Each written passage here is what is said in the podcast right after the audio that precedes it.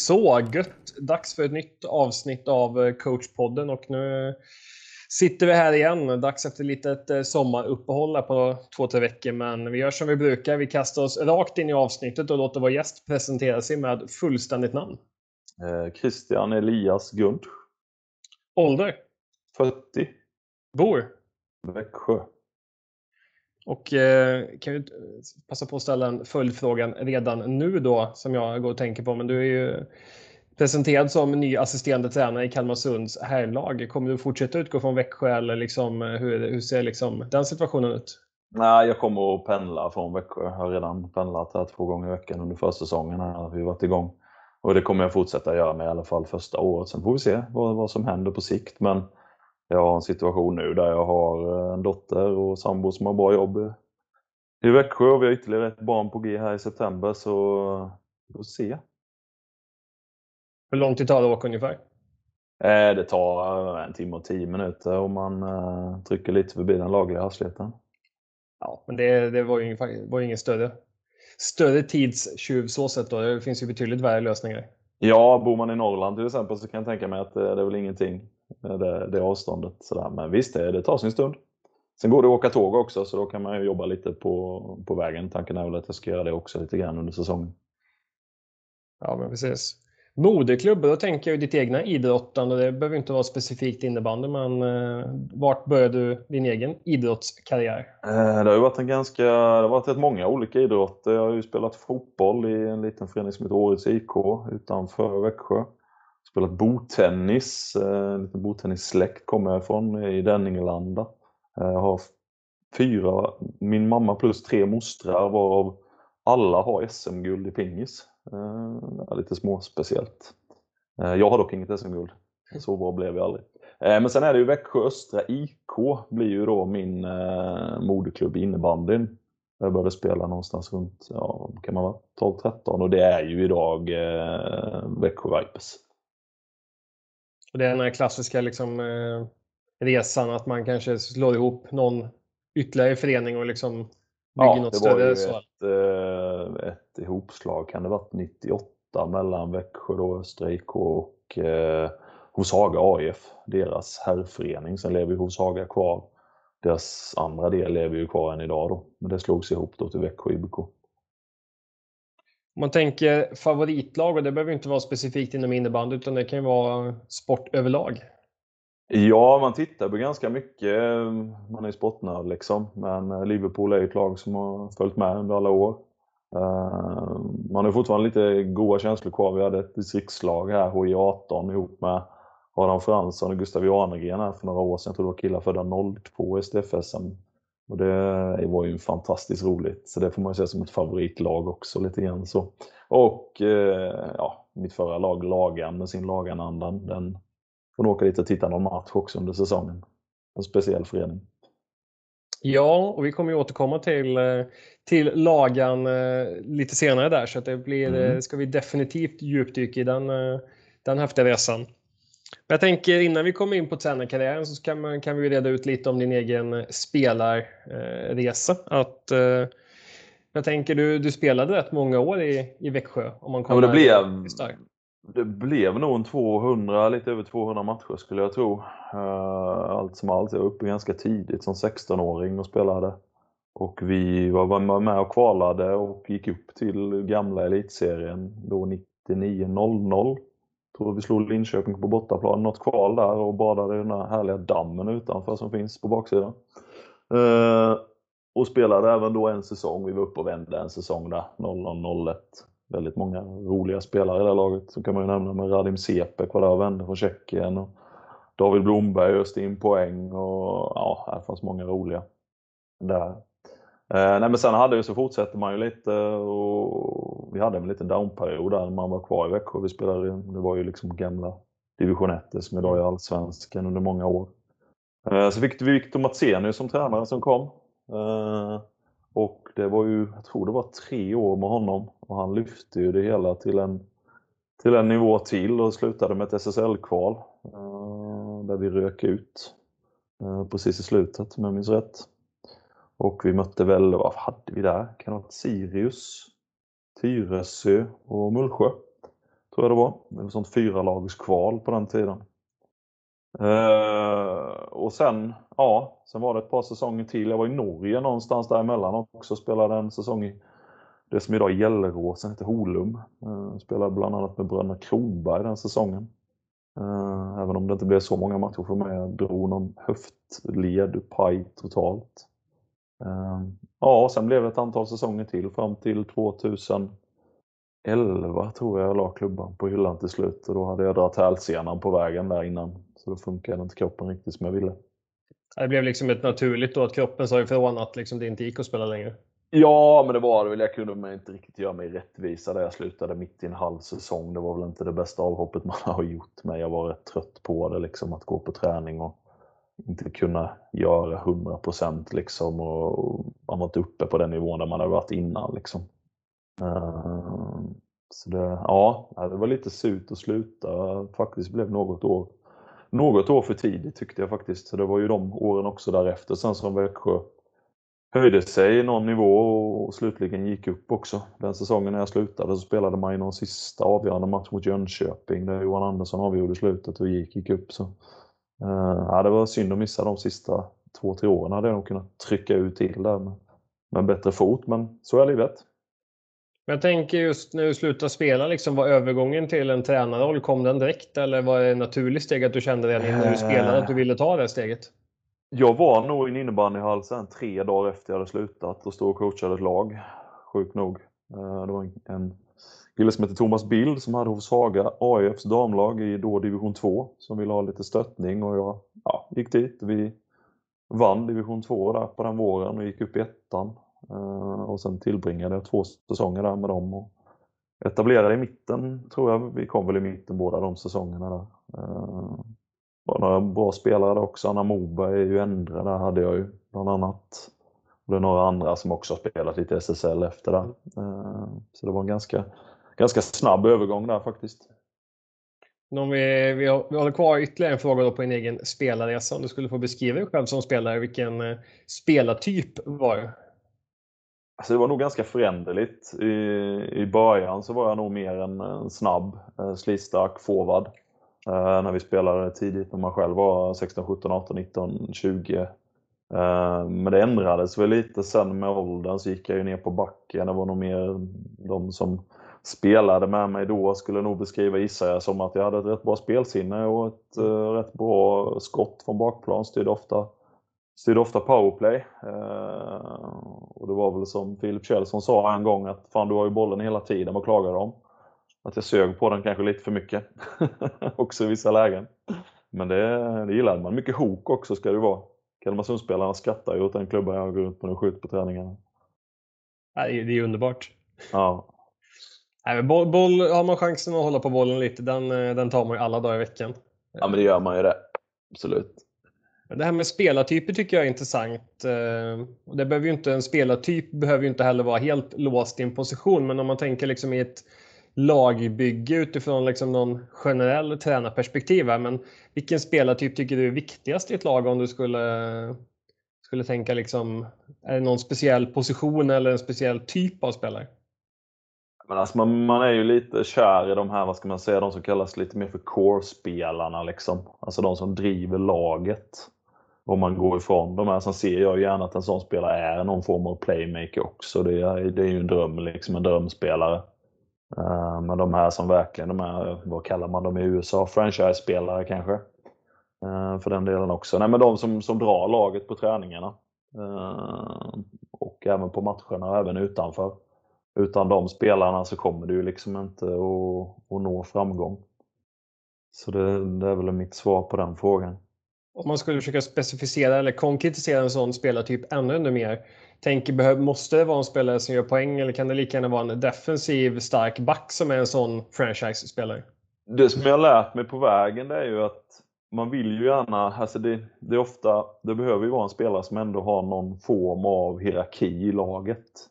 Och för att vara det så måste du, du måste ju vara en av toppspelarna oftast. Jag tycker det var mer förr att det fanns de här core-spelarna som som kanske egentligen inte var speciellt bra. Sen finns det ju de med som är väldigt bra i den defensiva rollen och kan städa. Det kan man ge många exempel på också. Liksom.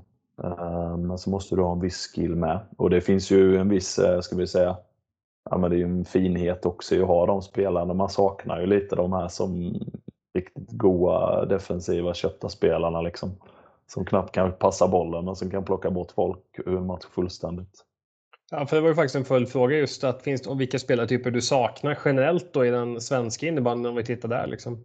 Är det bara de defensiva spelarna eller liksom är det någon mer spelartyp du känner att de här har vi lite få av i kanske de tuffa ligorna?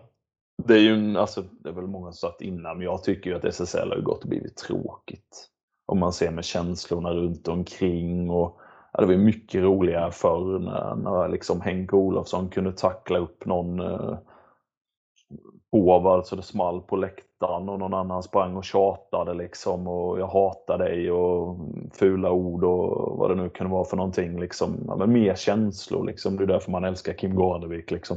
Även om han har lugnat ner sig lite grann. Så de spelarna som gör att idrotten blir någonting mer. Och jag tycker vi, vi ju bort dem. Liksom. De, de får inte finnas. Det ska vara så fint. Liksom.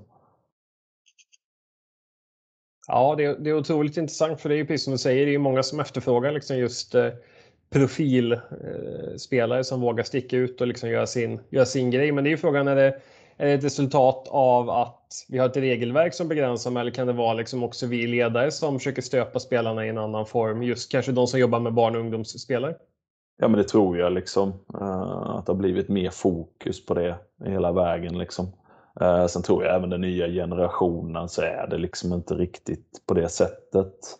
Eh, det är mer att man är kompis med de andra i de andra lagen. Man har spelat ihop, man träffas på på landslaget eller om det varit U19 eller, eller vad det nu är och stå och prata med varandra på uppvärmningen liksom och sen ska man gå in och fightas mot varandra så står man och pratar med varandra efter också.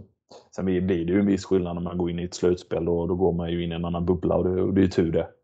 Eh, men lite mer av de här känslorna hade man ju velat efterleva och det är därför jag känner också när man sitter och tittade på någon match här när Kevin Haglund brakade ihop med eh, Helsingborgs där, nu tappar jag namnet på honom, backklippan där. Fält. Fält självklart, Kristoffer ja. Fält. Eh, och de börjar och liksom lite småbrottas lite. Och då är domaren där på, ja men han är ju lika snabb dit som en Formel 1-bil liksom och, och skickar ut dem och de får matchstraff. Och liksom man sitter och bara undrar vad är det som händer liksom? Alltså man dödar ju alla former av liksom känslor. Alltså in med dem igen, ge dem en tvåa var. Det blir kul vad som händer i nästa runda. Om man kör dem över varandra då, då kan jag köpa att liksom ta bort dem. Men ja, det är inte tillåtet att ha känslor i matcherna. Sen är, ska man inte skicka alla då domare över en kant på det här, för det finns de som är jättebra på att hitta nivån också. Eh, men några vill ju gärna hitta den här dubbelutvisningen snabbt och så ska man spela ett passivt 4-4-spel helt plötsligt där man gärna spelar av sista 40 sekunderna. Så att man vet inte riktigt vad man gör där och där kan ju för sig lagen bli bättre också på att spela 4-4. Det är också väldigt intressant när vi pratar lite om generationer att jag tänker i mitt föregående avsnitt när Bruno Lundberg var med så pratade han ibland om att man var någonting i en diskussion vi hade om att det här att man ibland behöver skapa matchlika sekvenser på träningar. Att man kanske tävlar om att klassiskt mm. exempel ta ner sargen för att få lite liksom matchlik miljö på matchspelet mm. på träning. Liksom. Och det är ju något som han upplevde liksom när han spelade själv att det, det behövdes ju aldrig någonting från utifrån som för att det skulle bli bra spel och bra hets på träning. Det var ju liksom på liv och död då. Mm. Ja, och det kan, jag, det kan jag ju skriva under på. Uh, helt rätt. Att idag så behöver man ju ofta det. Sen har jag varit, ändå varit i vissa lag där det liksom där man hittar perioder av detta. Uh, men då måste man ha de där spelarna som verkligen driver det. Finns inte de spelarna som driver det beteendet så kommer inte de yngre som kommer underifrån heller att anamma det. Utan de måste få veta det verkligen. Liksom. Eh, och, men då hamnar man ju i den här belöningsstrukturen. Liksom då att ja, då går man ju vänta. Och risken är ju då att börjar du med det här då, vi spelar om så vi spelar om det här, vi spelar om det här. Um, då, då får du köra det till evinnerlighet för att annars så kommer det ju de fundera på, ja, spelar vi inte om något idag, då behöver jag inte tid. Uh, ja, det är en svår fråga. Ehm, så, finns det en lösning? Tveksamt. Ja, men det, det, är väl som vanligt där. Vissa problem kommer vi brottas med liksom, uh, mm. tills det kommer en ny generation med ett nytt beteende. Liksom. det är nog en tränare, det är också en tränarfråga liksom, fråga på något vis. Alltså det handlar om att skapa en kultur. Eh, kanske inte du gör på ett år utan det gör du kanske på två eller tre år. Med de spelarna som du plockar in eller de som du har. Du får en kultur som du vill ha den liksom. Den kanske inte finns där från början. Eh, sen är man ju väldigt glad om de finns där från början givetvis. Ja men precis. Men jag tänker, eh, vi, vi inledde ju någonstans med lite spelartypsdiskussioner här och jag ska faktiskt ta upp en av mina gamla favoritfrågor som jag slänger in i något avsnitt lite här och där. Men eh, back in the days när man spelade NHL på Playstation så kunde man göra en fantasy draft. För då var ju alla ligans spelare tillgängliga i en stor draft och så fick man liksom, kunde man ju börja kanske plocka Alexander Ovechkin eller Sidney Crosby eller någon, någon sån som man tyckte var någon av de bästa. Men om man skulle göra en liknande draft i liksom SSL där alla spelare blir tillgängliga och eh, du får chansen att göra ditt första val och du väljer först av alla lag. Utan, eh, så du sitter verkligen på liksom, kan plocka vem du vill och det här behöver ju inte vara en person. Men i det här lagbygget du ska pussla ihop där du behöver liksom backa, centra, forwards. Vilken position skulle du börja prioritera? Eh, nej men jag hade nog prioriterat någon form av tvåvägsspelare. Lite som jag var inne på innan med en god spelintelligens och en då har man ju förhoppningsvis också möjlighet att eh, få bli någon sån här camp i början där man får se dem också och få sitta och intervjua dem. Eh, där man också hör sig av innan till tränare och så här får se vad det är för spelare. Liksom. Är det någon som kommer driva mitt lag framåt eh, varje träning, varje match och vara minutiös i sakerna runt omkring. Det var lite en sån spelare jag hade man hade gått för. Liksom, kanske inte bara den killen som har gjort 99 mål det året. Nej, men precis. Uh, sen är det väl intressant om man hade kunnat göra en sån grej i innebandy på något sätt. Är det, det är givetvis inte möjligt med tanke på att det finns för lite pengar men leka med tanken att de då 14, att man har ett val. Du kan välja en och sen är han bunden i två år. Och innebandyförbundet betalar halva hans lön också. Alla har samma lön. Det hade varit perfekt. Då hade de fått något att snacka om på förbundet.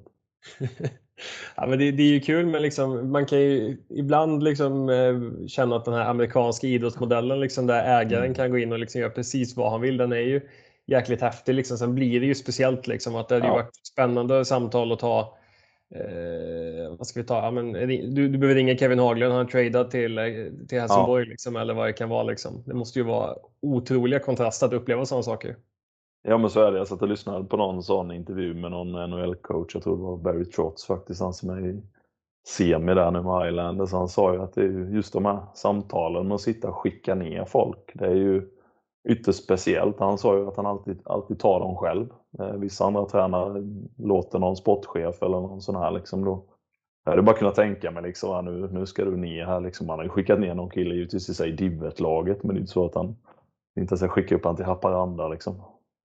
Eh, lite kontraster på det hela. det hade varit coolt. Börja byta ja. lite, byta tre spelare mot en också. Och liksom snacka värde mellan liksom. Ja, det blir ju, blir ju väldigt, väldigt speciellt. Liksom. Sen, sen har ju lönetakssituationen skenat lite som gör att nu är ja. ju liksom löneutrymme mer värt än en riktigt bra NHL-spelare. Men eh, mm. ja, det, det är kul att följa och sitta och räkna på lite statistik och där är ju allting så publikt och öppet också med allt från statistik till lönetak till liksom, ja, vad, vad spelarna tjänar och sådana bitar. Ja.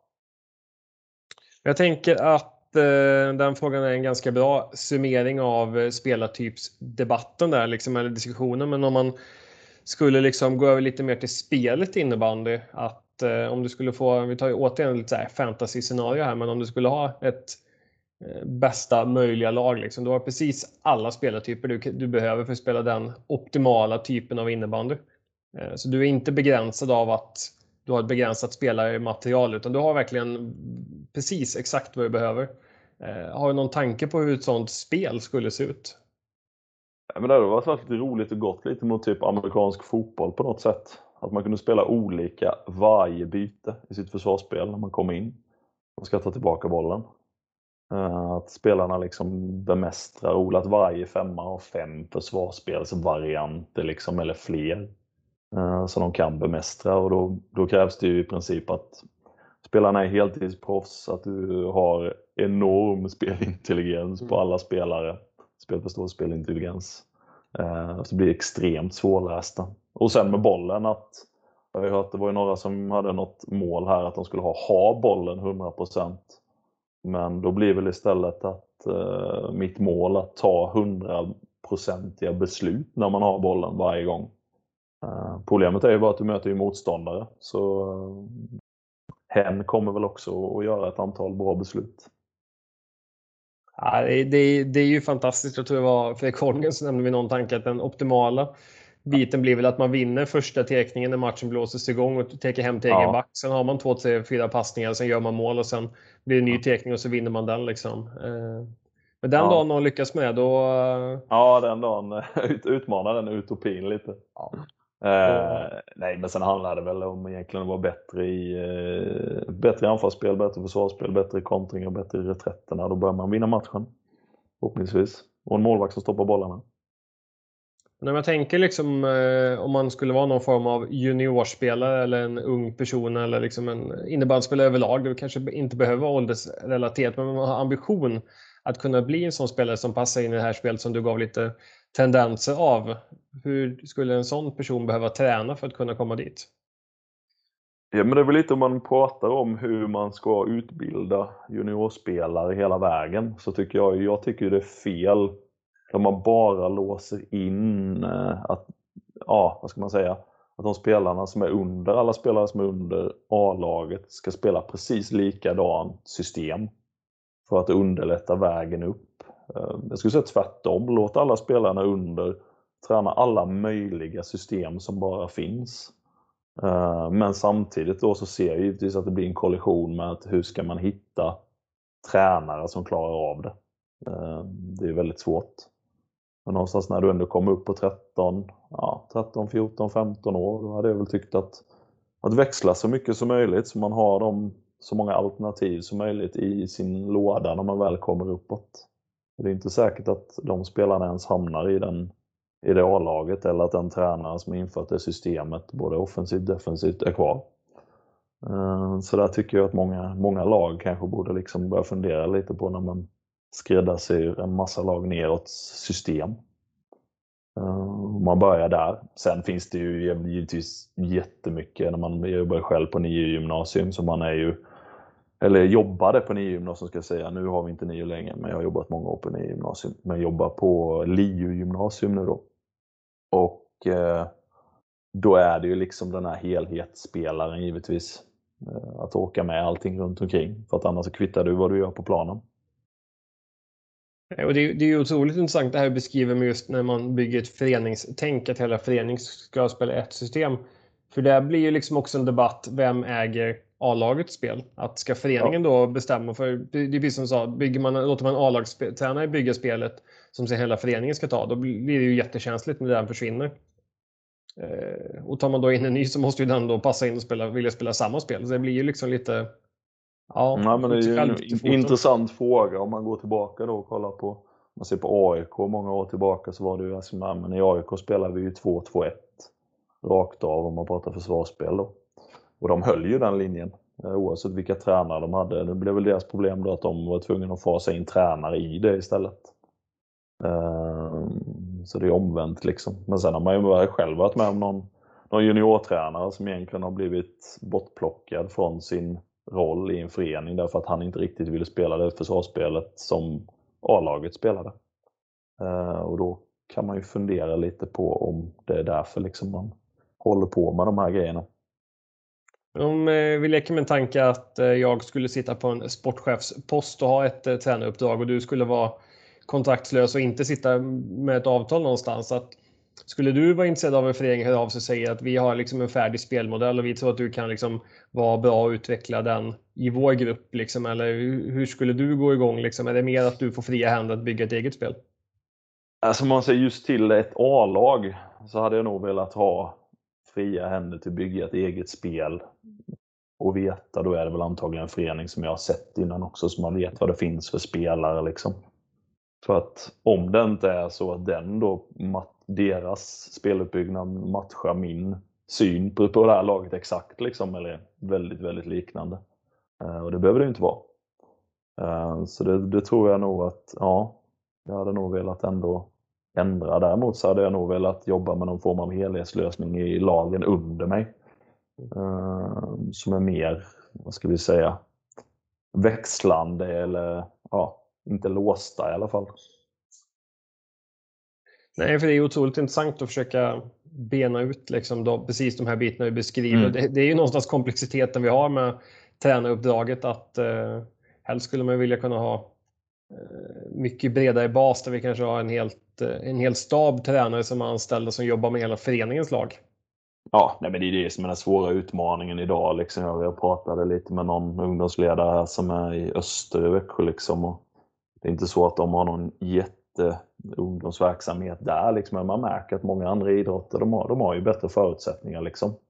Eh, och innebandyn, det blir, det blir, för, det blir liksom föräldratränare väldigt långt upp. Eh, och sen är det, man kör någon röd tråd och sen glömmer man bort den och så får du göra en ny efter fyra år. Och blir det en ny röd tråd som försvinner igen. Liksom. Och det, ja, det finns väl inte riktigt något, något svar där heller liksom, på att ja, gör det här så löser det sig. Liksom. Eh, utan det handlar väl om att för föreningen att ta ett riktigt krafttag och sen måste ekonomin kunna motsvaras som att man kan ha anställda personer också som driver detta. Sen kan man ju, jag vet inte om du jobbar någonting i något av de här eh, programmen som dyker upp, men jag har bara suttit och kollat tillbaka mina egna spelböcker man har gjort genom åren. Jag vet. Den första som jag gjorde, det är ju en jäkla massa år sedan nu, men då hade jag gjort eh, bilderna, de hade jag ritat i Paint. Mm. I liten kontrast mot dagens utbud i liksom Ja, nej, men vi har ju, man har ju sideline, jobbar jag ju en hel del i. Eh, bland annat. Liksom. Eh, det finns ju många andra bra program också där du kan framförallt nu med, med video och allt där du kan lägga upp. Liksom. Eh, och det är många föreningar som gör det väldigt bra. Där du kan gå in och, och kolla liksom, och, och, se hela, då, både med den fysiska biten kopplat till SIU liksom, och, och träningsupplägg. Sen handlar det ju lite om just för föreningar att förmedla varför också. Mm. Inte bara att ge mig tio övningar så blir det bra. Nej, precis. Det är också en sån klassiker liksom att eh, man kan se ledare som sitter på utbildningar och egentligen vill ha, de vill bara ha en färdig lösning mm. med övningar. Men det är också en klassiker att eh, om du inte vet varför du ska använda de här övningarna eller vad syftet är, då, då är ju övningen rätt eh, blek också. Ja, nej, men så blir det ju och det är ju en svårighet. Givetvis har du inte spelat själv. Det är ju som om någon annan skulle börja bli barnen här sen bli handbollstränare eller hockeytränare eller vad det nu kan vara. Liksom det är inte så lätt att, att, sätta sig in, men det är väl nu en, vad ska man säga, en utmaning för föreningarna och ihop med distriktsförbunden och förbundet att lägga upp eh, de tränare. Nu är inte jag jätteinsatt här senaste åren vad som har hänt på, på tränarutbildningsdelarna och sånt liksom, för att man även ska få med det. Jag vet att många, många föreningar har utvecklats extremt där också, positivt. När vi pratar föreningar så är jag lite nyfiken på finns väl egentligen eh, tre liksom, eh, nedslag som jag tänker är lite extra intressanta att eh, diskutera och få höra om dina erfarenheter. Och första stoppet är helt enkelt Växjö Vipers, åren som ledare där. Uh, ja, jag var ju egentligen, mitt första uppdrag var ju på här sidan var jag faktiskt i Kalmarsund. Uh, 13, 14 uh, tror jag det var, eller, sånt här, eller var det 12, 13 kanske till och med. Eh, det var en säsong i Allsvenskan. Och sen gick jag ju tillbaka till Växjö och tränade division 1-laget som heter Vöjkes då. Eh, det var någon form av utbrytning tror jag på något vis. Eller om det var något som levde kvar där, Växjö Östra IK. Eh, Vöjkes är ju idag ihopslaget med Växjö Vipers till en förening då. Så det finns inte kvar. Jag hade deras div lag där och efter det så hamnade jag ju till slut efter något uppehåll också kommer ihåg att jag var väldigt, väldigt nära att skriva på för Onyx två gånger i Allsvenskan, Tobbe Palm. Han är fortfarande lite småförbannad på mig, så jag. Eh, där. Men sen blev det ju då Växjö och eh, med Niklas Nordén 2016 eh, eh, kom jag in som assisterande tränare. Och det var ju en, en väldigt eh, rolig och speciell första säsong där som, som kröntes med eh, SM-final i Globen. Det måste ju vara en eh, otrolig kontrast liksom, redan ett första år att komma, komma så långt. Ja, nej men det, det var det ju att gå från att ha coachat då i allsvenskan där vi låg i mitten eh, och sen division 1 och eh, sen gå upp då Eh, sen var jag inte främmande för det heller i och med att man hade spelat själv på lite högre nivå och så här. Va? Och träffat folk med mera liksom varit med. Så. Men eh, samtidigt så var det ju bara en annan nivå om man ser på allting runt omkring. Niklas kom från ett par år i Helsingborg där han hade varit assisterande till Kent då. Eh, som hade haft landslag och, och allt möjligt där. Eh, och han var ju extremt laddad på det där. Han hade ju redan kört. Eh, hade han haft en, två säsonger innan jag kom där. Och var ju varm i kläderna. Eh, så jag kom in, vi brukade ju säga det, vi brukade skoja med varandra. Eh, jag sa ju till han att du är på min räkmacka. Eh, och han sa tvärtom. det är väl du som är på min. När vi gick till final första året. Om man tänker då liksom, det är ju häftigt att ni den säsongen då hittar någonting som gör att ni, ni är då ett av de två bästa lagen i Sverige. Sett, sett om man då bedömer liksom att de två bästa lagen är i final. Liksom. Men vad var det som mm. gjorde att ni, ni var så pass bra? Nej, men jag tror det var ju för det första så var det ju en eh, att det hade varit två år, de hade fått bygga redan, de hade byggt upp väldigt bra grunder kring laget med allting liksom från, äh, även från föreningens sida, alltså det sportsliga runt omkring med fysbitar på High Performance Center. Eh, också värvat in lite spelare som hade blivit lite äldre. Eh, de har då fått spela två säsonger i SSL. Och eh, någonstans, ja, men det är en bra lagd grund fram till den säsongen. Man hade även då spelat två slutspel redan, så man visste ju vad som krävdes i ett slutspel. Eh, och där fick vi ju en träff under den säsongen. På väldigt, jag skulle säga att vi vi lyckades utveckla väldigt många spelare individuellt för att få dem att, att maxprestera. Eh, och många spelare i laget där gjorde ju också, så som Philip Kjellson gjorde ju liksom sin, var ju på toppen liksom av sin, sin kapacitet där tycker jag. Eh, han var ju enormt eh, drivande där också. som lagkapten det året. Mm, ja. En häftig resa och kul att kunna se tillbaka till. För det känns ju som att ni gjorde någonting lite annorlunda mot, mot än vad många andra hade gjort. På det jo, sättet liksom. Det var, det Växjö var ju, vad kan man säga, Växjö var ett litet poplag då, kan man väl säga. Uh, man spelade extremt kontringsspel och det hände många roliga grejer. Niklas är ju en rolig coach. Uh, det händer ju saker runt omkring honom uh, på, alla möjliga, på alla möjliga sätt, men han är också enormt bra när det väl brinner i matcherna och eh, väldigt innovativ eh, runt omkring. Det är ju någonting som jag, man plockar med sig med folk som man har träffat på sin coachresa. Så är det någonting jag plockar med mig från honom så är det ju framförallt den här innovativiteten, liksom att kunna göra nya grejer i spelet men även på träningar. Eh, de två åren där, alltså vi, vi nördade så mycket innebandy så det var ju helt galet. Vi, vi kunde ju sitta hela dagen där på plats och Eh, scoutade ju motståndare i timmar, kommer jag ihåg, eh, innan det här slutspelet. Liksom. Så vi visste i detalj precis vad de gjorde med varje femma och allting. Liksom. Det, är ju, det kändes som man bara åt och sov och käkade innebandy. Liksom. 24-7 där. Eh, och det gav ju resultat. Just det här när man eh, kikar på motståndarlag där, liksom, finns det något exempel på liksom, vad, vad var det ni ville komma åt i information om motståndarlag? Nej, men, små grejer liksom till försvarsspelarna att den här spelaren kommer söka den ytan, du kommer möta honom och vi får vår matchning rätt liksom och du måste vara med på det. Du kan inte gå på den sidan för då kommer han att vända dig åt det hållet. Liksom sådana små detaljer men även liksom här finns öppningar. Jag kommer ihåg en, en rolig grej. Vi hade mött, jag tror det var Pixbo hemma och Macke Jonsson, vi hade någon powerplay-variant där Macke Jonsson kom på bortre stolpe från point. Gjorde mål och han hade gjort något sånt mål innan också och då visste vi att nästa match var Dalen borta och där sitter ju Brolin och tittar på video precis lika mycket som vi gör. Eh, vi är ju helt medvetna om det. Eh, så då gjorde vi om varianten istället. Så att eh, då kom Filip Kjellson från kanten in i mitten. Macke kom fortfarande på bortre, men jag hörde ju hela dalen bara skrek ju bortre, bortre, bortre. Och så tickade vi in den i mitten och gjorde mål istället. Liksom. Eh, som blev ett avgörande mål i den matchen om jag minns rätt.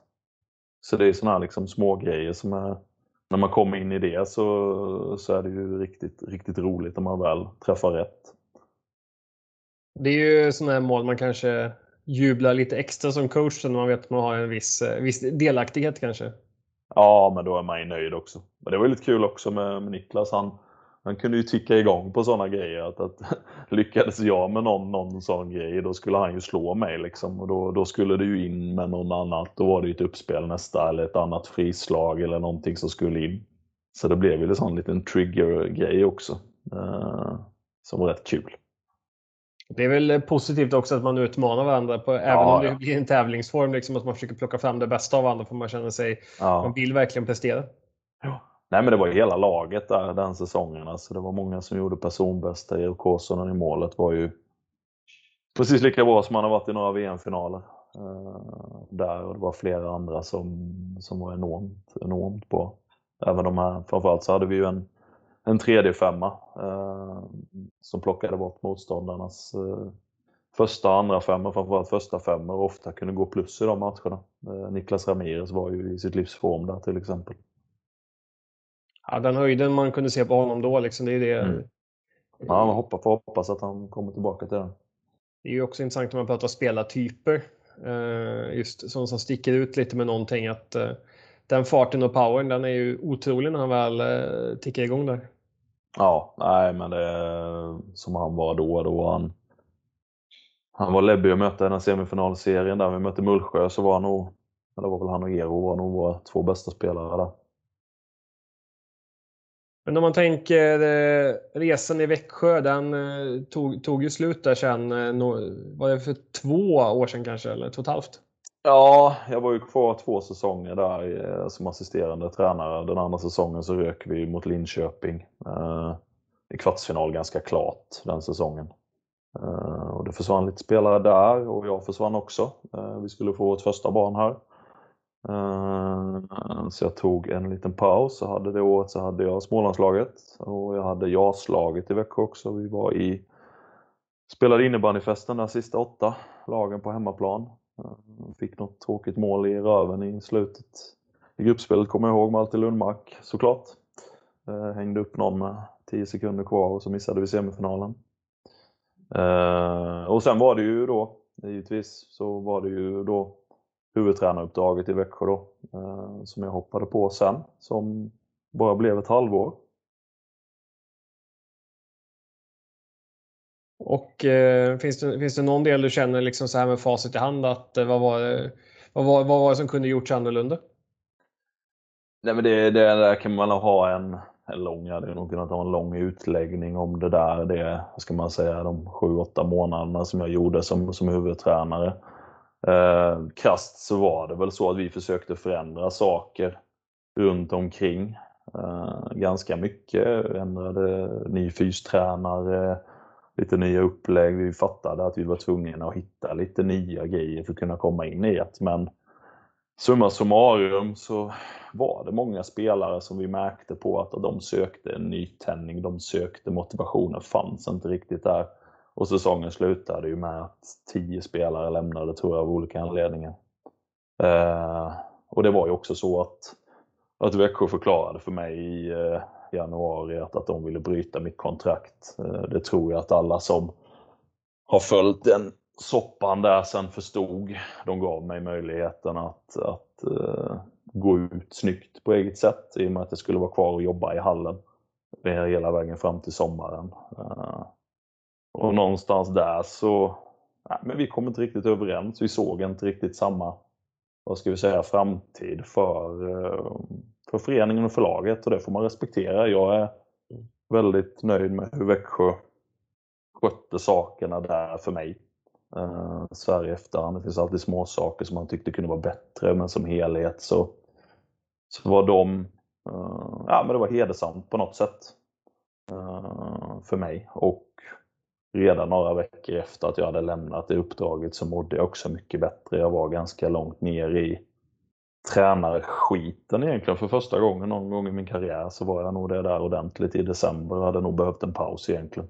Ehm, jag gjorde en, en trippel som nog egentligen inte var möjlig. Jag skulle jobba på gymnasium, jag skulle vara pappaledig och jag skulle sköta ett SSL-lag. Och alla de alla som har varit tränare på hög nivå förstår ju att det är en kombination som är omöjlig egentligen.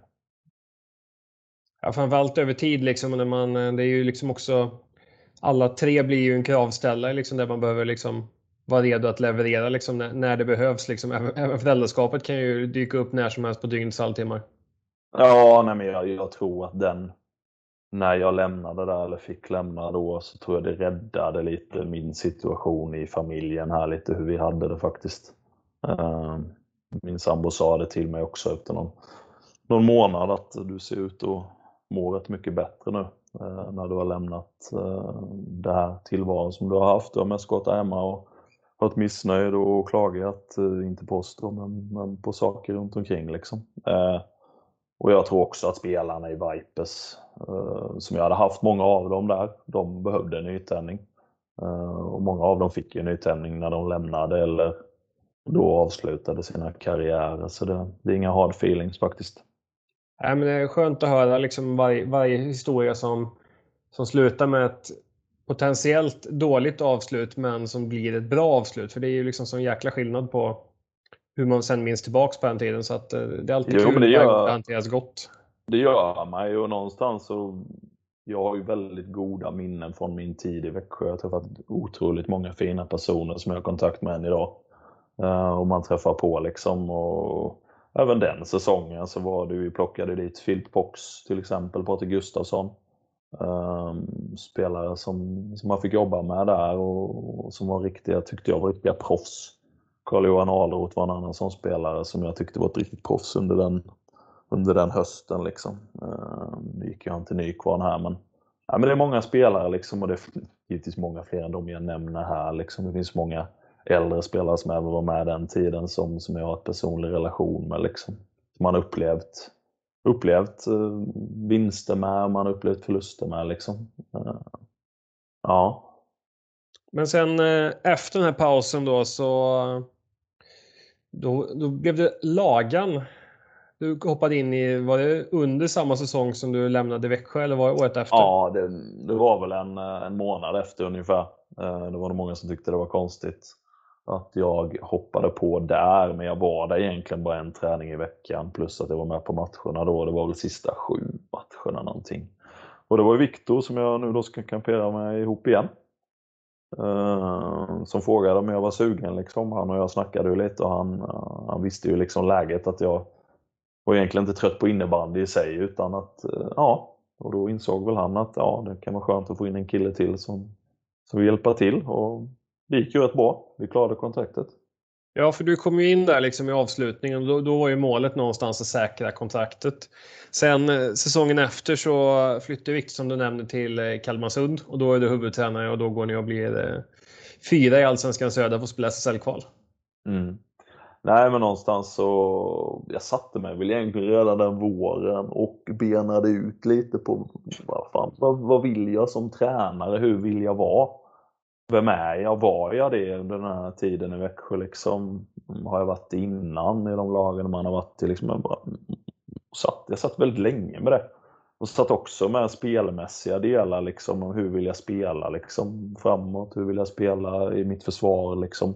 Givetvis med att i grunden så måste jag alltid anpassa det till vad jag har för lag. Men, och kom väl fram till någon form av liksom, ja, helhet som jag applicerade på lagen sen. Eh, sen ska man veta att skillnaderna på lagen och eh, vara i SSL är ju enorma. Framförallt med förutsättningar. Jag tror vi tränade i tre olika hallar i, eh, under säsongen och varje vecka. Och, ja, kan inte säga att Ljungby kommun där prioriterade oss speciellt mycket. Men vi fick ihop den då till slut. Ja, det fick ni ju verkligen. Och liksom, vad var det som gjorde liksom, vad var ni hade som gjorde att ni kunde ändå prestera på en så pass hög nivå så att ni tar liksom en av kvalplatserna till, till Superligan? Nej men det är alltså, för det första så skulle jag vilja säga att eh, det finns ju en speciell anda i, i det här laget. Eh, reporten där på Smålänge brukar alltid säga det, den berömda lagan-andan, liksom lagandan. Uh, och det var väl en av de här pelarna, liksom, den fanns ju där. Så jag, behöv, jag behövde inte fokusera så där väldigt mycket på, på de delarna liksom, och sköta laget. Jag tror inte jag hade Alltså jag hade knappt ett personligt samtal på hela säsongen med någon som var missnöjd eller något liknande sådana som man har som tränare, ett helt gäng annars. Utan, nej, det var väldigt lätt på det viset. Men sen vi ökade den fysiska statusen, det var ju någonting som de kanske inte då hade varit så seriösa med de här åren innan, de här Ljungby-killarna. Eh, vi sprang väldigt mycket. Eh, de var extremt trötta på mig även under säsongen när jag sa att nu är det intervaller igen här. Eh, det slutade väl nästan att bli ironiskt mot mig istället. Eh, vi var rätt så proffsiga tror jag för att vara ett allsvenskt lag med och scouta motståndare. Eh, att ha koll på vad motståndarna gör men även att videoanalys till vårt eget spel. Då. Jag gjorde ofta liksom en, en, sammanställning på matchen som de fick ut dagen efter eller två dagar efter på, på saker som är bra och saker som är dåliga. Och jag hade väl lärt mig den läxan också att, att man ska trycka på mer det som är bra än det som är, är sämre. Liksom. Eh, det var något som jag kanske hade gjort lite för dåligt tidigare. Eh, ja, och träningarna. Där är ju ett lag, lagen var är, är var ett lag som behövde ha roligt. Eh, och det läste vi väl i ledarstaben ganska väl. Att vi, vi kunde inleda en träning med liksom killeball i en kvart. Eh, för att vi visste att ytterligare delen av träningen skulle bli bra om vi fick upp glädjen direkt. Liksom. Samtidigt som vi även jobbade med skadeförebyggande träning och sådana. Eh, så vi lurade på dem lite, fast de kanske inte förstod det själva vad det var vi gjorde riktigt. Eh, ja, och eh, i slutändan så, jag tycker också där att, att många spelare höjde sig. Spelare som kanske inte hade varit så framstående innan i, i lag som tog rejäla kliv under säsongen. Och eh, kämparandan i de här killarna var ju enorma. så de gick ju över lik för att vinna. För att spela också för den delen. Eh, så det, ja, det var lite tungt faktiskt att någonstans att gå och säga att, att man skulle lämna det här laget efter den säsongen. Eh, sen är man ju lite missnöjd med att det inte var publik, för jag vet ju att lagarna har ju en, en rolig klack som brukar vara med också när, när man är och kvalar och sådär, så det missade man ju tyvärr. Det är otroligt härligt också liksom när man får följa de här lagen som liksom går från att säkra kontrakt till att liksom bara vara eh, jättehäftiga liksom och vinna mot mängder med liksom storklubbar liksom på, på allsvensk nivå. Så att, eh, nej, det, det är ja, något nej. häftigt avtryck. Var kul. Nej, vi märkte ju ganska tidigt där faktiskt. Jag tyckte vi, vi pressade Örebro hemma och vi, vi pressade Karlstad borta. Vi sköt i ribban, jag tror det var tredje matchen eller något. Förlorade med uddamålet. Att, ja, men vi märkte att vi hade något, något kul på gång. Liksom. Och spann ju vidare på det och, och fick lite träff. Uh, och sen hade vi ju Erik Svensson, han stod där bak och motade varenda boll i princip. Eh, och det kunde vi ju spela lite på också i, vårt, eh, i vårt försvarsspel, att han var så enorm på. Jag skulle säga att han var den seriens bästa spelare förra året. Och det är ju häftigt, för det kan man ju dra lite paralleller med tiden i Växjö med att ha Kåsenen där bak. Mm. Som också liksom var, ja vi kan, vi kan väl undra oss att säga att han var den bästa i serien. Ja, nej men det är ju, det är ju den bästa målvakten som har uh, funnits. Uh, i, om man säger närtid i alla fall, i, om man pratar världsinnebandy. Det tror jag många kan skriva under på.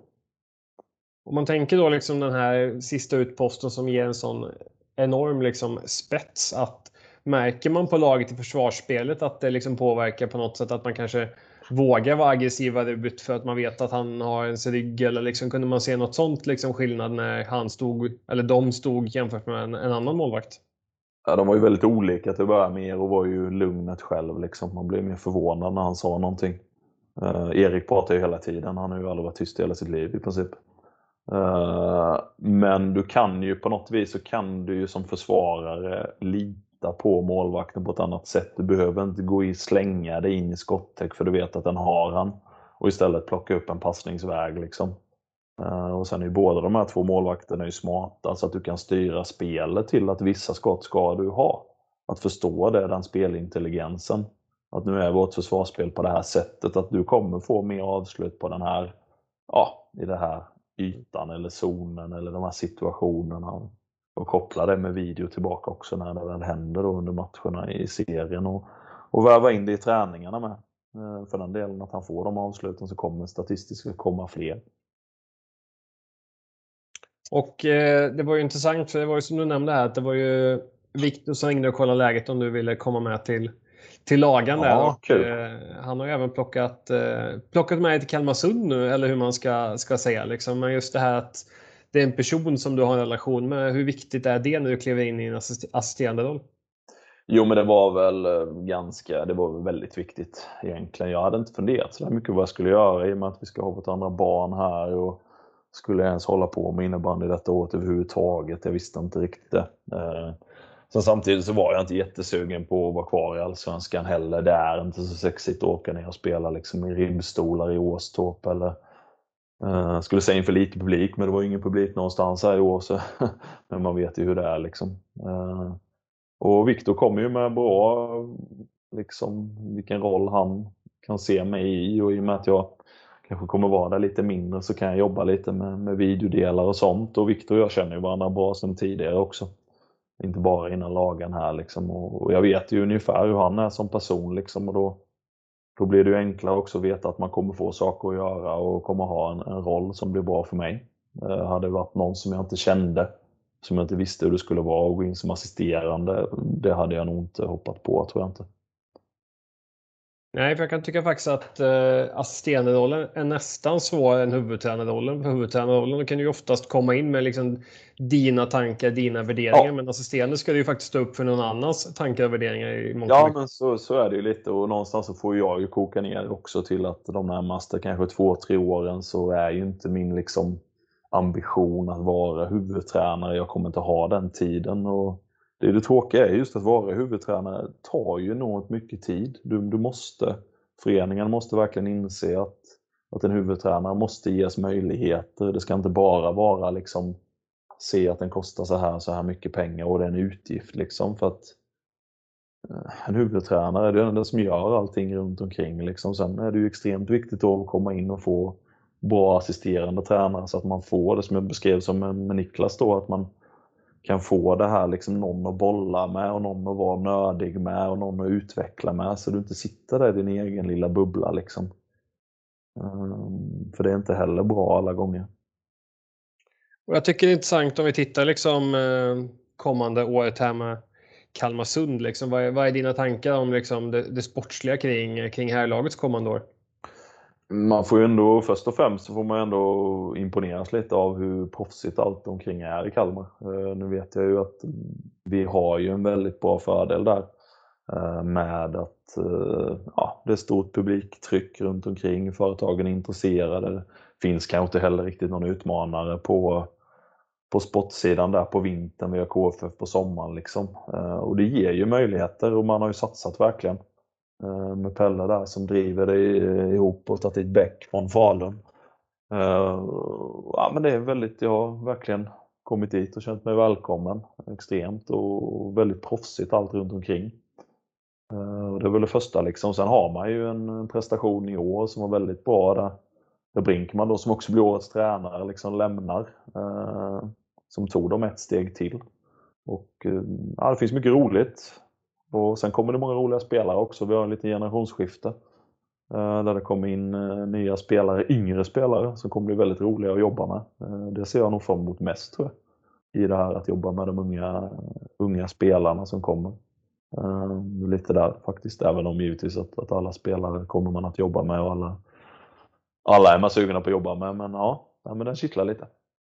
Ja, nej, men det, det är ett projekt och ett lag som är väldigt, väldigt spännande att följa. Eh, och Kalmarsund är ju verkligen en förening på frammarsch, inte bara på här sidan utan det har ju liksom varit som det känns på alla fronter just nu. Ja. Nej, men det är kul. Alltså, vi, vi är ju mitt inne i en försäsong här nu eh, och drar på med olika grejer. Och, och då, då börjar man ju liksom och man börjar känna den här pulsen. Visst, det blir ett sommaruppehåll här, men eh, också. Men, ja, men vi har faktiskt. Nej, men det är, det är kul saker på gång. Ehm, tycker jag. Och om man tänker lite din roll. Jag snodde ju lite en eh, text här som Kalmarsund skrev på sin hemsida när de eh, presenterade dig. Men de skrev ju duktig på analyser, kommer bland annat jobba med både analys av egna spelet och motståndarna. Eh, du nämnde ju även lite här med individuell utveckling och de yngre spelarna. Men hur ser du på din, din roll här kommande året? Ja, men det blir ju lite så i och med att jag kommer att pendla så kommer jag ju ha ett videoansvar i grunden då utöver att vara assisterande tränare. Sen pratar jag och Viktor om, om, allt möjligt här, kan man väl säga. Eh, vi har väl även eventuellt en, att det ska komma in en tredje kille, eh, en assisterande tränare till, eh, som vi håller på att snacka med lite här. Får se om det händer något här framöver med den. Eh, men min egen roll blir ju där och sen eh, någonstans eh, stödja upp Viktor så gott som det går. Och sen har vi börjat jobba med vissa delar då. Analysdelarna har jag ju varit inne och pratat lite om innan hur, hur jag gillar att jobba liksom och där ska vi ju vara. Det är ju många lag som, som jobbar så idag liksom att man är noga med att scouta motståndare men även att utvärdera sitt eget spel. Vi har ju försökt en liten, vad ska man säga, grej till denna försäsongen att bygga upp en individuell skillsbank eh, för varje spelare där vi har plockat klipp då från säsongen. Jag satt otaliga timmar här eh, när min säsong med lagen var slut och eh, och klippte och klippte och klippte och klippte för att då kunna bygga upp delar som vi vill att spelarna ska bli bättre på. Så vi har faktiskt spelat en hel del innebandy här under våren, vilket är lite speciellt. Har du något ännu mer så konkret exempel? Kan det vara liksom en spelare du har sett liksom just en viss typ av passning eller liksom, är det större delar än så? Ja, men vi har ju delat in det i lite olika delar. Den första delen som jag tryckt på är ju ihop med Viktor här, då är ju spelintelligensdelen som vi hade lite snack om liksom och visade klipp på hur spelare skannar eh, planen liksom när du inte har bollen och hur spelare rör sig med bollen med rörlig split vision som vi kallar det när man har bollen. Hur de två delarna verkligen kan göra skillnad och visade då på exempel från vårt eget lag på hur det påverkar. Eh, så då har vi jobbat lite med det också på träningarna med att få upp blicken på olika ställen och mer liksom, ska vi säga, trycka på beteenden då eh, som vi vill åt lite grann. Eh, för att ta nästa steg där och sen har vi då hittat små individuella skills och där har vi delat upp det i lite olika delar. Vi har delat upp det i delar som vi kallar lite för signifikativa skills som de är väldigt bra på.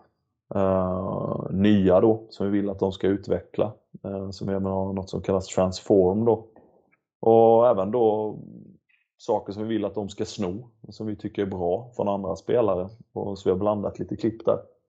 Uh, förhoppningsvis så kan det ju då utveckla våra spelare något snäpp till. Och där är väl en, en tanke liksom att, att vår försäsong då inte bara ska vara springa i skogen, lyfta vikter, Eh, utan även att utveckla andra delar av helhetsspelaren. Liksom. Eh, och det tror vi att, ja men det, man ser många NHL-spelare till exempel som under breaket i NHL att de plockar in egna då skillstränare både till skridskoåkningen och, och till spelet. Och vi ser även då till och med här i SHL att de plockar in egna skillstränare i ledarstaben under säsongen som jobbar med spelarna med de här grejerna. Vilket är svårt att göra när du har den vanliga då lagträningen. För det är ju väldigt intressant det här avvägningen mellan att eh, laget har någonting som vi behöver träna på, för till exempel ett powerplay eller boxplay, för det har varit dåligt mm. på slutet jämfört med när man vet då att den här spelaren skulle verkligen behöva träna på, jag kan ta en målvakt som behöver träna utkast, för det liksom är verkligen en ja. Stor del i att den här spelaren ska bli mer spelbar. Vi kan ta en andra målvakt, det är ju så här klassiskt exempel som dåligt utkast. Det är ju någonting mm. som motståndarlag kan spela på. Att de vet om han står och pressar vi högt varje gång han ska kasta ut för han kommer bara 5-10 meter. Ja. Eh, men det har man inte tid med under säsongen att jobba med och utveckla kanske. Nej, det har man inte. Det går inte riktigt liksom. Uh, jag tycker även den här spelintelligensdelen är ju något som jag tycker den är väldigt intressant. Uh, som man inte benämner så mycket och jobbar så mycket med liksom. Uh, där finns ju mycket material. Så jag vet att innebandyförbundet har plockat på lite mer det här. Liksom, men det är också något som är lite svårare. Uh, det finns mycket kul. Jag läste ju en där om, om Lidström till exempel. Jag tror det är en gammal handbollsspelare, Janne Lennartsson, som spelade, jag tror han var kantspelare faktiskt. Länge, länge sedan i handbollslandslaget som har gjort lite undersökningar där. Niklas Lidström, hur han ser på begreppet spelförståelse. Där han räknar sannolikhet i sitt beteende. Och det är någonting som jag suttit och liksom funderat på som ett exempel då så var det att ja, du racear mot en forward ner i ett sarghörn om en puck. Går jag in hårt och tacklar stenhårt där så kommer han komma ur den tre gånger och då kommer jag vara borta tre av tio gånger och han kommer få ett bra läge in. Går jag däremot in och pokar och kontrollerar honom så kommer han kanske komma in en gång. Eh, samtidigt så kanske inte jag kommer plocka bollen då lika många, eller pucken lika många gånger Nej, som om jag toktacklar. Så de räknar liksom, liksom i sannolikhetsbeteende Och det är någonting som vi, det började faktiskt lite med förra året också, och koppla lite till, ja men om du gör det här, hur många gånger kommer du lyckas så att det blir någonting bra för oss liksom? Ja, men lite sådana såna grejer. Då man ner sig utmana, utmana de här klassiska myterna liksom, för det är ju en sån vald sanning att du ska alltid vara först i närkampen. Men om mm. det är en nackdel att vara först i närkampen så finns det ju ingen vits med var. Nej, precis. Det är ju Samtidigt var någon annan situation också med hans powerplay-spel där han sa liksom att ja men jag skjuter 10 skott liksom tar jag 8 förbi täcket eh, så är det mycket värt för det kan ta på någon i nästa och jag vet att jag har en kille som står och styr framför liksom. Eh, men är det så att jag bara tar fyra förbi täcket ja då får det vara jävligt bra skott om jag ska tjäna på det i längden liksom. Eh, ja. Nej, det är de här små detaljerna och variablerna som vi, som vi lever för tänkte jag säga. Mm. Ja, men. Men eh, om man tänker den kommande säsongen här och eh, massa roliga matcher förhoppningsvis då att vi har en publik som kan vara på varje match. Men eh, finns det något lag du tycker det ska bli lite extra kul att få möta antingen av spelmässiga skäl eller rent känslomässiga eller liksom något sånt? Alltså för det första så blir det absolut roligaste det blir ju att vi får vår publik tillbaka. Det måste vi ju få här. Eh, det blir ju nummer ett, liksom, både, både hemma och borta. Sen får man väl tycka att om man ser på de SSL-lagen som är uppe nu, alltså, jag kan inte minnas att det finns så många tråkiga lag att åka och möta. Eh, det var ju tur att Höllviken åkte ur, för den är inte heller rolig. Men jag ser ju fram emot att möta Helsingborg, faktiskt. För det är två roliga, roliga hjärnor i det båset med, med Niklas Paulsson och Vidar Jonsson. Uh, och det är lite sånt man brinner för när man kan ska in och fightas lite och man vet att det finns kapacitet, enorm kapacitet på andra sidan. Kanske vi kan få en returmatch mellan uh, Fält Haglund också? Ja, då ska jag komma ihåg vad han heter med. Pinsamt. Nej, men den, eh, den är otroligt spännande och det, det är ju också liksom eh, två lag man känner är jäkligt på gång så att det, det är kul att följa liksom för att eh, ja, det de kommer riktigt, liksom. Riktigt, riktigt roligt lag på gång där. Ja, men alltså. Som man sa, liksom, förut var man ju glad om man hade en högerfattad spelare man kunde spela i PP. Mm. Liksom, men de tre liksom, de har på den kanten, liksom, det är ju mer, alltså, det blir ju blir otroligt spännande liksom, att försöka... Ja, det blir det verkligen. Dan, Danne med hans historia där i föreningen och Kristoffer Andersson som kan bli ännu bättre. Uh, och sen, ja, nej, det blir kul. Ja, otroligt spännande. Och eh, på tal om spännande så har vi då två sekvenser kvar innan vi börjar närma oss slutet på avsnittet. Men den ena är då fem stycken snabba frågor där du får en antingen eller där du får välja ett av svaren. Ja. Känner du dig beredd? Ja, jag är beredd.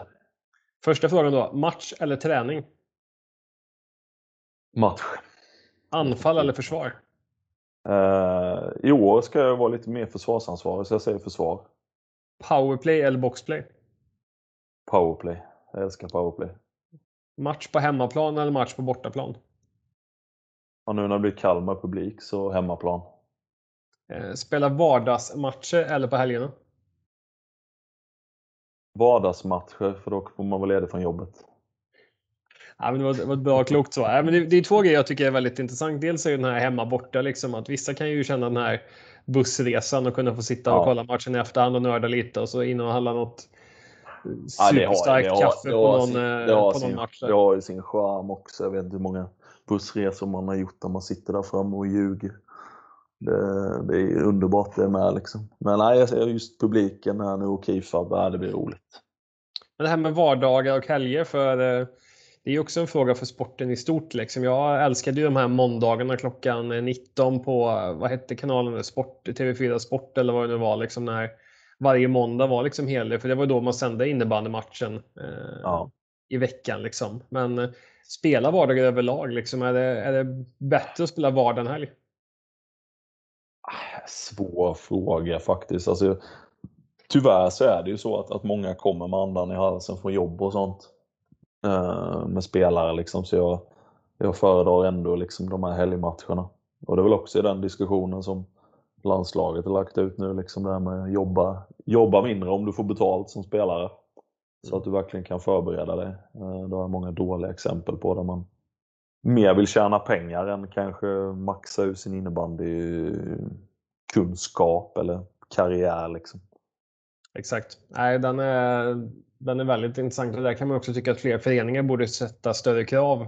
Möjligtvis ja. om de har den, om de nu ger pengar också, att det ska inte bara vara liksom en semesterpeng Nej. utan det här ska faktiskt göra att du kan gå ner lite i arbetstid för att ja, vila, sova, äta. Motkrav på olika sätt liksom. Sen kan det vara också, givetvis så förstår man ju att, folk vill kunna göra någon form av karriär. Kanske kan man göra det åldersbaserat liksom. Mm. Eh, men jag har svårt, svårt att se de här killarna som är 21, 22, 23 som bara ska... Sen finns det de som trivs med att jobba. Eh, då är det ju så, absolut. Men då ska ju inte jobbet vara så att det påverkar innebandyprestationen. Eh, ja, men det är intressanta diskussioner där. Och eh, sista då, den kanske mest intressanta på, på sitt sätt, men det är ju att du ska få en chans att sätta ihop din egen drömuppställning. Nu kommer vi till den här utopin där man Eh, får plocka ut då förslagsvis då en målvakt, fem utespelare, valfri form av taktisk mm. disposition och någon eventuell ledarstab om du, om du vill. Mm. Ja, den, den är ju lurig alltså. Den är ju, kommer att blanda och ge hej vilt känns det som. Eh, med olika ja, förklaringar egentligen. Men jag ställer väl längst bak i det här målet så ställer jag ändå Erik Svensson. Underbart val. Ja, men framförallt för att, att han och jag har upplevt många saker tillsammans. Eh, både i SSL och i Allsvenskan. Vi har faktiskt spelat ihop tidigare och jag har haft honom som tränare i andra i, i Vöjkes och jag spelade ihop med honom i Väckelsång division 2 någon säsong. Eh, och även faktiskt, han var ju målvakt i SSL-kvalet med Vipers då när han var 20 bast och jag spelade 2007, 8 någonstans. Nej, så vi har upplevt mycket så det är en stabil sista utpost där. Och Eh, sen så har vi eh, backar så kan jag ju liksom inte, det går inte att, att frånse från att plocka in Erik Roos eh, på så många sätt. Han är ju liksom franchise-spelaren för Växjö Vipers, så hänger i taket. Den tröjan och alla tröjor som hänger i taket ska man respektera oavsett vilken klubb det är. nej, men han, är, han var, jag har varit en klippa där och jag har spelat med honom själv också. Och verkligen stenhård att möta och framförallt hans sätt att ställa krav på spelare i sin omgivning är ju någonting som man imponeras av. Uh, ja, han var inte rolig att möta för vissa. Nej, och det, det, är ju liksom halva skärmen också liksom, när vi pratar profil, att man, eh, man har liksom något, någonting som kan sticka ut på det sättet. Liksom, så att, eh, ja. nej, det, är en, det är en profil som fyllde serien under många år. Ja. Nej, men sen om man går tillbaka till lag som jag haft. Jag hade ju Kalmarsund, det var mitt första liksom, eh, uppdrag där som herrtränare och det stormade ju fram och tillbaka. Men Simon Nilsson, han stod ju ganska fast den säsongen. Um, använde sitt skott, gjorde många mål, var lagkapten. Uh, jag var väldigt tacksam för den, för den stöttningen man hade av honom där och ja, väldigt professionell. Han fick ju avsluta sin karriär här, tyvärr lite snöpligt nu då, uh, med det här slutspelet. Eh, men väl Simon där på backen. Sen center så är det ju spelgeniet eh, Filip Kjellson. De sakerna som han gör och har gjort, eller har gjort nu. Han får se om han ska spela något mer, man vet aldrig. Man hoppar in. Eh, har gjort med boll, det är ju, ja, både man har spelat med honom och coachat honom, det är ju eh, brutala grejer han hittar på. Det blir lite den här tv-spelsfeelingen liksom. Ja. Att det är som att det sitter någon i en helt annan liksom, vinkel som har en total översyn av plan som styr. Liksom, för det borde inte kunna gå att uppfatta liksom, de sakerna Nej. när man är på plan. Jag har något minne där i Trelleborgshallen när vi kommer tre mot noll tror jag att vi kommer i laget och han är bollförare och väljer istället att passningsfinta, stoppa in klubban mellan benen och snätta upp den i, i första krysset. Liksom. Uh, och man bara, vad gör du? Du kan bara passa den så är det mål. Liksom. Men, ja, nej, det, fantastisk hjärna. Och går väl från en hjärna till en annan. Eh, jag var i Norge ett år, spelade inte så mycket själv, men det man såg av Ketil Kronberg där den säsongen och även vad han hittade på efter där sen så är det ju svårt att inte ta med honom. Eh, vilken profil, alltså som fortfarande spelar än idag då. Så det får han lite plus för. Eh, och även då frontfigur för innebandyn i Norge. Ja, men det är en otro, otrolig spelare med en otrolig karriär och det är ju bara tack, tacka och ta emot för varje minut man kan se någon lira. Ja. Det är ju underbart. Ja, väldigt bra karaktär också. Nu som lagkapten många år i Dalen men även innan alltid trevlig när man träffas så här och, och snackar. Uppskattat. Och sista spelaren går jag väl tillbaka till när jag spelade själv då när vi tog oss upp i elitserien 99-00 med eh, IBK där då. Han heter idag Carl-Johan Magnil tror jag, men han hette Carl-Johan Karlsson då. Och sprutade in mål, riktigt kärnkraftverk, högerforward. Gick till Varberg, tog SM-guld därefter med, med dem också. Eh, och ja, Han var enormt bra. Han var den roliga historien för mig där då att vi gick upp i elitserien men han valde att spela superettan-fotboll i öster. Så han var bra på rätt mycket saker. Ja, det är otroligt med de här eh, personerna som bara har liksom atletisk förmåga, både fysiskt mm. och i, liksom i, i skallen, att kunna vara bra på i stort sett vad än företar sig. Ja. Nej, och det är väl, man ser där då, det är väl de, ett axplock av spelare som har berört den på många, på många olika sätt. Sen finns det ju enormt många bra spelare som, man, som jag har coachat och, och spelat med också. Liksom bara du tar det laget vi nu var i SM-final med där. Kolla på, på det laget som jag ska coacha nu. Kim Nilsson är ett djur här på försäsongen och, och flera andra också.